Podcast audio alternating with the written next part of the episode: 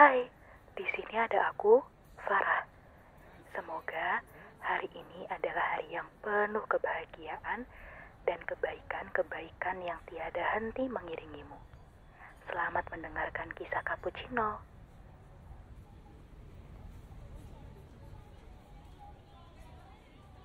Halo, sudah ada episode kedua dari podcast Kisah Cappuccino bersama Farah di sini. Podcast episode kedua gue rekam di hari Rabu siang 30 September 2020. Cuaca hari ini panas. Gimana kabar kalian hari ini? Meskipun hari ini barangkali cuacanya panas juga sama kayak di tempat gue, tapi jangan sampai kebanyakan minum es ya. Jangan lupa untuk tetap jaga kesehatan, selalu terapkan jaga jarak, pakai masker, juga rajin cuci tangan. Oke, oke? Pembahasan episode 2 kali ini adalah tentang toxic people. Nah, kalau lo tanya ke gue, dapat inspirasi dari mana lagi kali ini? Maka jawabannya adalah dari pengalaman pribadi. Jadi gini, intinya aja ya. Gue dulu pernah punya temen cowok. Temen cowok lo ya.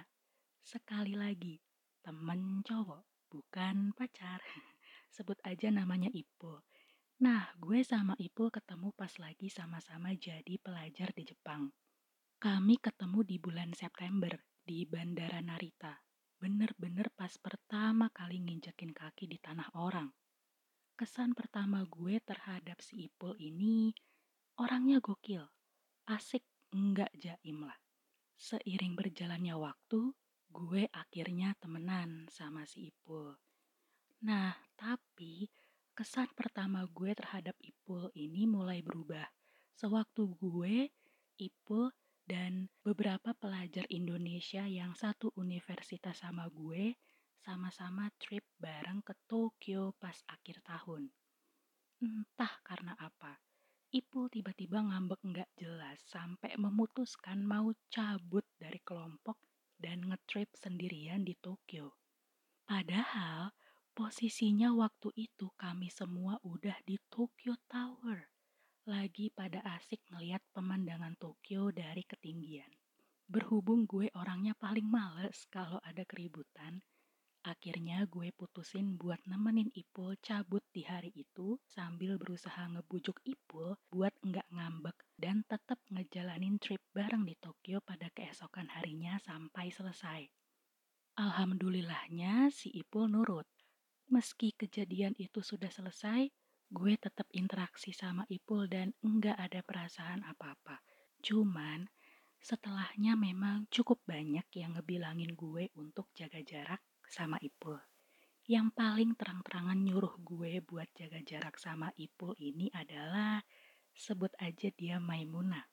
Gue bisa deket sama Maimunah karena sama-sama anak Jakarta ceritanya.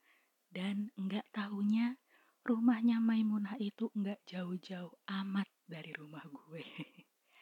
Surprisingly, Maimunah juga nggak taunya kenal sama beberapa temen gue yang satu tempat bimbel pas zaman SMA dulu. Oke, balik lagi ke topik. Alasan-alasan yang diberikan oleh Maimunah cukup banyak dan cukup masuk akal sebenarnya. Beberapa di antaranya Maimunah melihat Ipul sebagai sosok yang dikit-dikit komplain. Apa aja diributin. Masalah kecil jadi gede, masalah gede dibikin makin gede.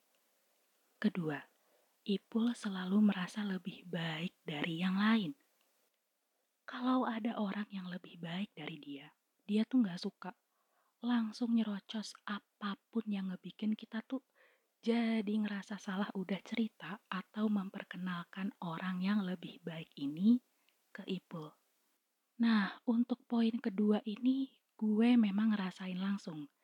Jadi gue pernah nyeritain salah satu senior gue yang menurut gue dia baik banget dan pinter. Gue ceritain lah betapa baiknya dia, pengalaman dia waktu sekolah di Jepang dulu itu gimana, gue juga cerita ke Ipul tentang karakter senior gue yang determined dan persistent hingga akhirnya jadi asisten dosen setelah lulus S1 dan diangkat jadi dosen dengan lancarnya setelah lulus S2. Kalau nggak salah pengangkatannya itu di bulan September awal tahun 2015. Di mata gue, senior gue ini sangat memotivasi dan bikin gue pantang menyerah dalam menjalani kehidupan S1 gue. Bukannya dapat reaksi yang positif, eh Ipul langsung nggak suka gitu. Ekspresi itu sangat-sangat-sangat jelas. Parahnya lagi, tanggapan Ipul terhadap cerita gue tentang senior gue ini, alah dia palingan bla bla bla, yang bikin gue langsung mengernyitkan dahi pada saat itu. I mean, atas dasar apa lo bisa komentar kayak gitu? Lo kan belum pernah interaksi sama senior gue ngeliat batang hidungnya aja belum pernah. Kalau berani sih ngomong kayak gitu? Lo siapa? Kira-kira gitu. Nah, poin ketiga adalah Maimunah ini bilang kalau si Ipul adalah sosok yang manipulatif. Terus kalau ada masalah, Ipul enggak pernah mau nyelesain dan ngomongin semuanya dengan baik-baik sampai tuntas. Ipul lebih memilih untuk menghindar dan menciptakan situasi bahwa kitalah yang salah gimana pun caranya. Gue awalnya nggak percaya sih, sampai akhirnya gue ngerasain batunya. Dan jujur gue ngerasa nyesel banget udah kenal sosok Ipul. Dari pengalaman pribadi yang enggak banget ini, gue dapet inspirasi buat ngomongin soal toxic people. Sebenarnya beberapa teman virtual gue di Twitter sempat ngasih ide untuk ngebahas mengenai toxic relationship. Tapi sebelum kita ngebahas mengenai relasi atau hubungan yang seperti apa yang masuk ke dalam kategori toxic, ada baiknya kita berangkat dari toxic people atau orang-orang beracun dulu. Jadi, ragam pembahasan terkait toxic mulai dari toxic people, toxic relationship, hingga toxic social media culture adalah pembahasan yang seru menurut gue dan bisa dibahas dengan lensa keilmuan apa pun, terutama ilmu-ilmu yang termasuk dalam kategori rumpun sosial dan humaniora. Seru karena bikin kita jadi lebih mawas diri, sekaligus bahan refleksi juga nih kira-kira kita turut berpartisipasi nggak sih dalam mengembangkan si toxic ini? Nah, by the way, kalau udah ngomongin toxic people, ternyata ada sandingannya nih. Namanya negative people atau orang-orang yang negatif. Banyak orang yang mengira bahwa negative people sama dengan toxic people. No, mereka nggak sama. Jadi, Negative people digambarkan sebagai sosok yang terus-menerus memberi penilaian negatif kepada diri sendiri dan atau orang lain. Negative people menyumbangkan efek buruk pada suatu hubungan atau suatu kondisi pastinya. Sisi negatifnya ini timbul dikarenakan misal dia merasa bahwa dirinya tidak cukup dihargai, diapresiasi, diakui, diperhatikan, dan bahkan dicintai oleh orang-orang di sekitarnya. Sehingga karena ada perasaan kurang itulah, maka timbul rasa khawatir yang berlebih, rasa takut, pesimis, dan rasa tidak percaya diri terhadap apa yang telah, sedang, dan akan dilakukan. Nah, kalau toxic people ini juga berangkat dari titik yang sama, yaitu pikiran bahwa dirinya merasa kurang akan sesuatu atau beberapa hal. Dari poin merasa kurang tersebut itulah dia manfaatkan. Dia olah rasa kurang ini demi memenuhi kepentingan pribadinya dengan cara memanfaatkan orang lain. Pastinya cara yang dia lakukan dalam memanfaatkan orang ini negatif ya. Kalau baik, jadinya bukan toksik dong. Kira-kira bisa kebayang nggak ya bedanya gimana? Kalau gue menggambarkannya kayak gini, ini settingannya sama ya, presentasi kelompok.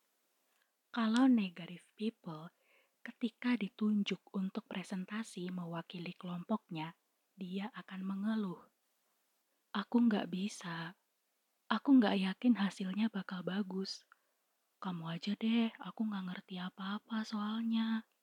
Aku takut nanti kalau ada yang nanya aneh-aneh gitu loh, kan malesin.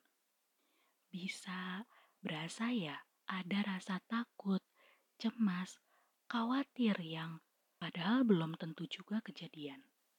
Setelah presentasi, dia pun kembali berujar. Aku tadi presentasinya jelek ya, banyak salah ya, iya kan? Kok tadi si Jenap nanyain aku soal itu ya? Aku salah ya udah ngejelasin kayak gitu. Alah, palingan pada nggak paham sama apa yang udah aku omongin tadi. Misal kayak gitu.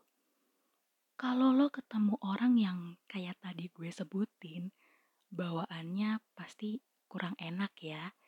Padahal pas dia presentasi, pada merhatiin kok, nggak ditanya yang aneh-aneh. Tapi kalau toxic people kira-kira gini. Sumber utamanya sama. Dia merasa kurang mampu membawakan materi presentasi. Tapi dia akan memanipulasi kondisi gimana caranya biar dia enggak maju pas hari H. Misal, kita nunjuk dia buat ngebawain hasil diskusi kelompok, tapi dia malah menghilang pas gilirannya presentasi. Padahal sebelumnya dia mengiyakan loh. Dia menyanggupi untuk menjadi presenter atau penyaji materi. Ketika dikontak, enggak ada respon apa-apa. Di telepon, enggak diangkat. Di chat, enggak di-read. Ya kali di-read, kayaknya dibuka aja enggak. Pas keesokan atau beberapa hari kemudian, ditanyain dong kenapa enggak datang. Lah, dia malah marah-marah nyalahin kita yang udah nunjuk dia buat presentasi di depan kelas. Dia menempatkan dirinya sebagai korban dan kita sebagai pelaku yang udah ngejahatin dia. Nah loh, gimana nih? Dari sini timbul pertanyaan, jadi ciri-ciri toxic people itu kayak gimana sih? Banyak yang menyebutkan ini dan itu, tapi setidaknya ada 12 ciri, banyak ya, ada 12 ciri yang bisa mengarahkan seseorang ke dalam toxic people. Pertama, manipulatif. Biasanya, orang beracun atau toxic people memiliki kemampuan untuk mencari sisi kebaikan pada seseorang yang bisa menjadi kunci buat dia untuk dimanfaatkan demi mencapai apa yang diinginkan. Tentunya cara yang akan dia gunakan pasti merugikan si orang baik ini. Misal, lo anak kuliahan yang rajin. Ketika lo sekelompok dengan toxic people, dia akan memanipulasi lo. Gimana caranya supaya poin rajin lo bisa dia manfaatkan untuk ngerjain semua tugas-tugasnya dia. Kedua, senang mengkritik dan menghakimi orang lain. Dikit-dikit dikomentarin dikit-dikit dikomplain. Padahal semua orang, termasuk dirinya, adalah manusia yang tidak akan pernah lepas dari ketidaksempurnaan. Sumpah ya, so iye banget sih Siti. Pakai segala bedakan ke kampus, ngalis, pakai baju warna gonjreng. Padahal wajahnya nggak cantik-cantik banget. Kulit juga nggak putih mulus. Mau dandan kayak apa pun, mau pakai baju branded sekalipun, Gak bakalan pantas lah dia. Buang-buang duit doang itu masih Siti. Lo kalau ngobrol sama orang kayak gini asli.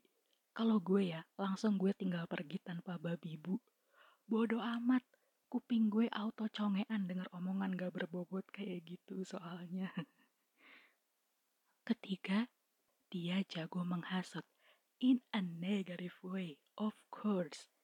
Karena kalau kita lihat Kamus Besar Bahasa Indonesia atau KBBI, kata hasut digolongkan ke dalam kata kerja. Definisinya ada dua. Pertama, membangkitkan hati orang supaya marah, melawan, memberontak, dan sebagainya. Kedua, hasut juga terdefinisi sebagai menggalakkan hewan buas atau maksudnya membuat hewan seperti anjing misalnya menjadi mengeluarkan suara gonggongan. Nah, kata hasut di sini udah pasti mengarah ke definisi pertama ya, Bahasa gampangnya dia tuh kompor. eh, mana pacar lo? Akhir-akhir ini nggak kelihatan. Lo tahu nggak? Gue tadi lihat cowok lo lagi jalan di kantin ngobrol berduaan sama cewek. Sempet loh mereka tuh ketawa-tawa bareng. Emangnya lo nggak cemburu? Lo lihat dong, udah seminggu ini lo nggak pulang bareng sama cowok lo. Terus lo juga bilang kan, kalau akhir-akhir ini dia suka slow respon balas chat lo. Bisa jadi kan dia udah punya selingkuhan di belakang lo. Eh, jangan-jangan si cewek itu tadi ya? Kebayang gak sih lo kalau ada di situasi kayak gitu? Asli orang kompor banget. Keempat, tidak bertanggung jawab. Ketika dia berhasil menciptakan suasana kurang nyaman, suasana keruh pada suatu acara pertemuan misalnya, dia tidak bertanggung jawab dan berupaya untuk memperbaikinya. Dengan entengnya, dia malah bilang, kan gue lagi bad mood, emang gue gak boleh bad mood? Lo pernah gak ngerasain bad mood? Kalau lagi bad mood, mesti ditahan gitu lo gak kasihan sama gue. Padahal dengan dia bad mood dan berbuat tidak menyenangkan, semua orang di pertemuan itu pun mengalami bad mood lo bisa jadi. Kelima, toxic people enggak pernah minta maaf. Enggak suka, enggak mau, males buat minta maaf. Mulut tuh berasa berat gitu ngomong maaf. Kenapa ya? Karena toxic people memiliki anggapan bahwa mereka tidak punya alasan apa pun untuk minta maaf. Keenam, tidak konsisten. Tidak konsisten di sini lebih merujuk ke kepribadiannya. Toxic people akan memiliki kepribadian dan karakter yang berubah-ubah. Sampai kita bingung dan bertanya-tanya, sebenarnya dia tuh aslinya gimana sih?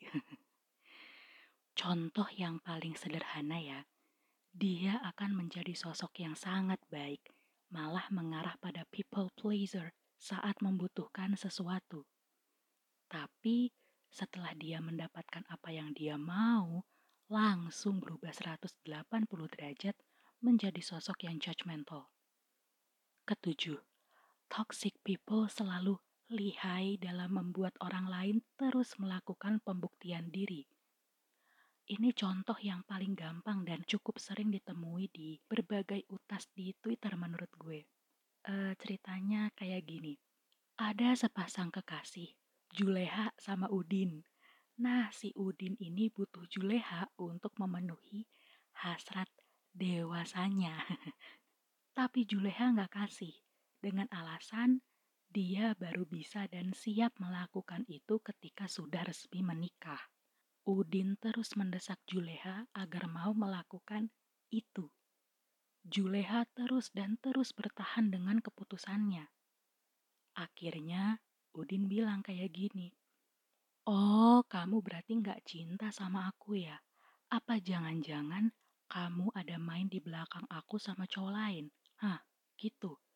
Itu semua cuma alasan kamu doang kan? Ngapain kita pacaran kalau rasa cinta di antara kita tuh udah gak ada? Padahal si Juleha tuh gak selingkuh sama siapa-siapa. Si Juleha masih mencintai Udin sepenuh hati. Tapi karena terus dibilang kayak gitu, ya akhirnya Juleha terpaksa memenuhi hasrat dewasanya Udin demi membuktikan ke Udin bahwa semua perkataannya itu tidak benar. Kedelapan, toxic people adalah sosok yang tidak suportif, tidak peka, dan tidak peduli akan kepentingan orang lain. Ini pasti. Karena apa?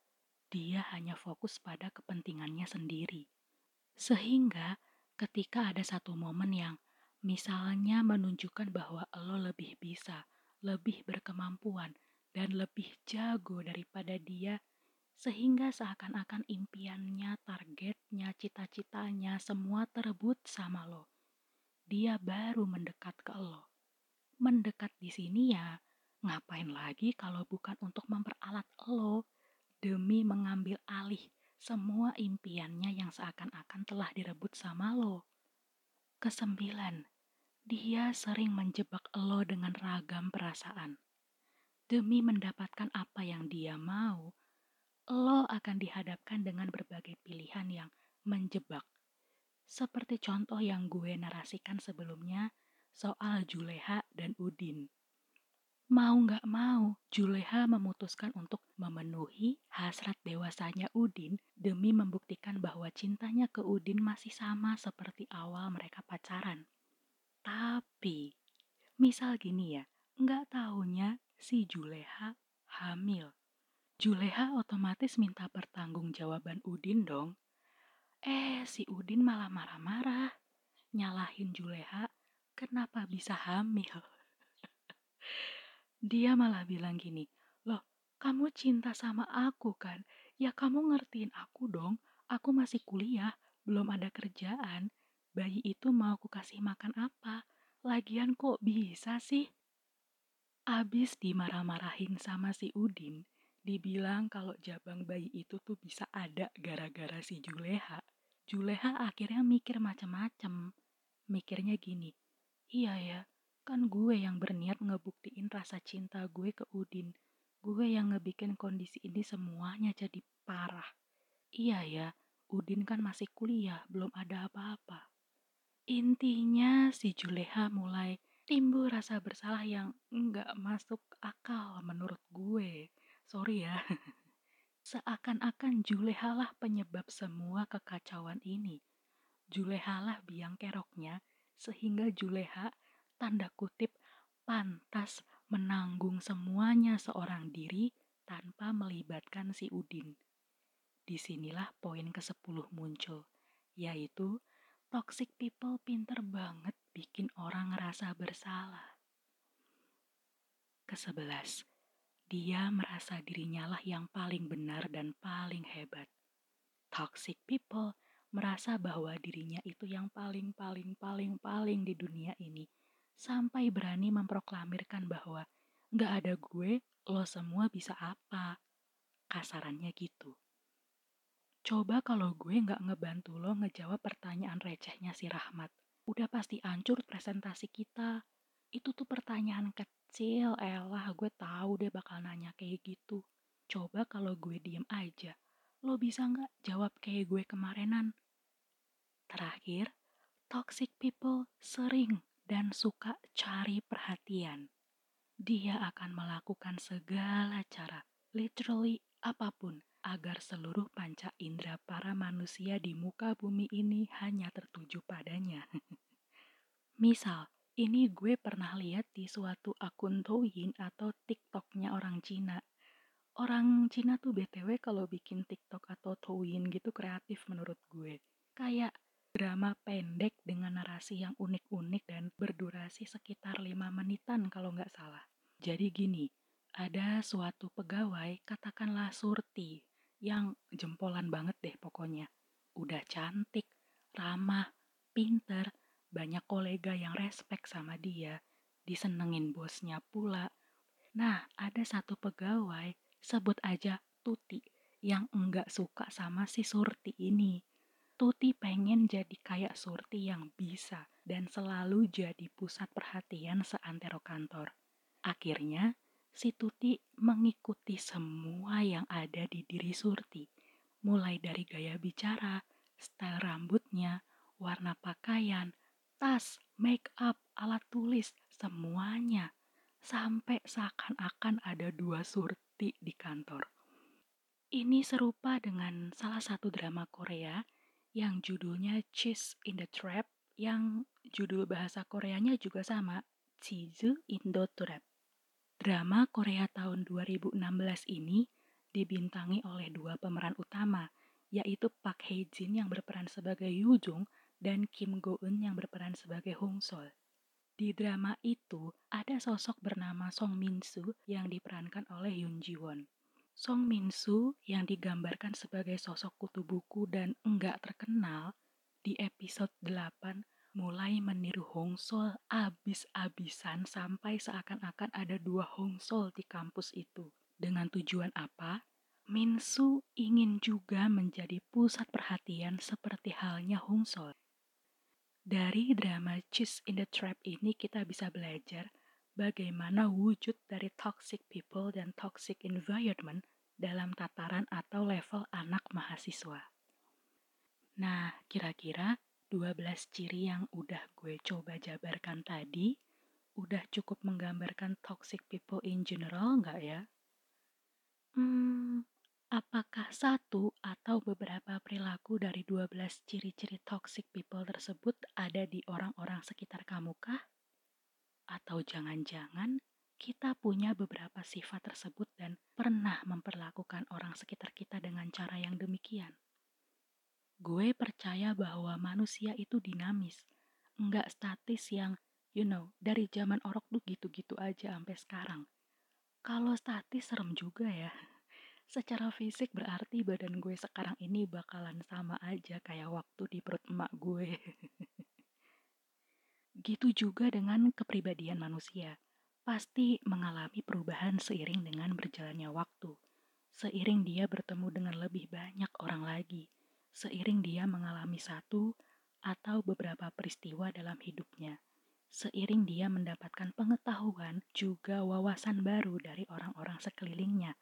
Jadi banyak faktor pastinya lah ya yang membuat perilaku seseorang mengalami perubahan. I mean, people just like life change all the time. Nah, di sinilah letak permasalahannya. Dia berubah ke mana nih? Ke arah positif atau negatif? Idealnya, setiap manusia diharapkan untuk bergerak dan berubah ke arah yang positif, kan? Tapi nyatanya enggak demikian dan enggak selalu kayak gitu. Kita semua pasti pernah hidup di suatu masa di mana kita seakan mengizinkan diri kita untuk berlaku buruk. Loh, kalau gitu gue masuk ke dalam toxic people dong.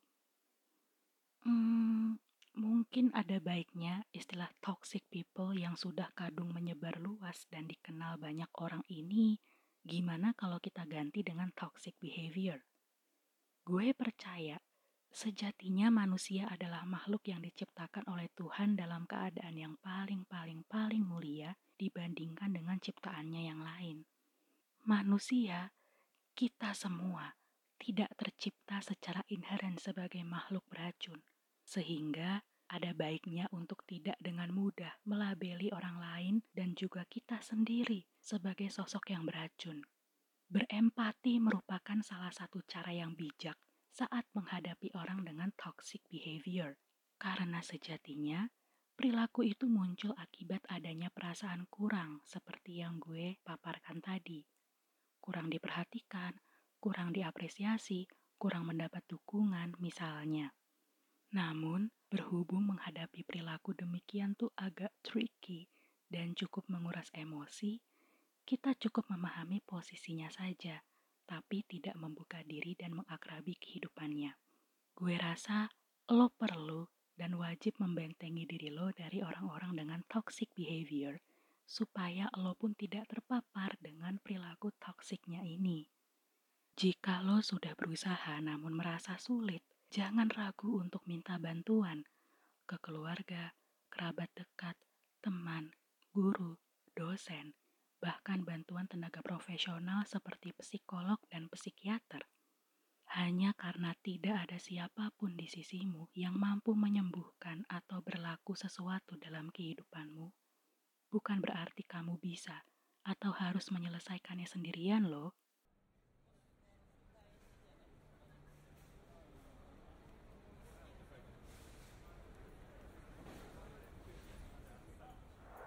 Hai, kasih banyak ya karena hari ini telah mendengarkan kisah cappuccino. Sampai bertemu di kisah cappuccino selanjutnya ya.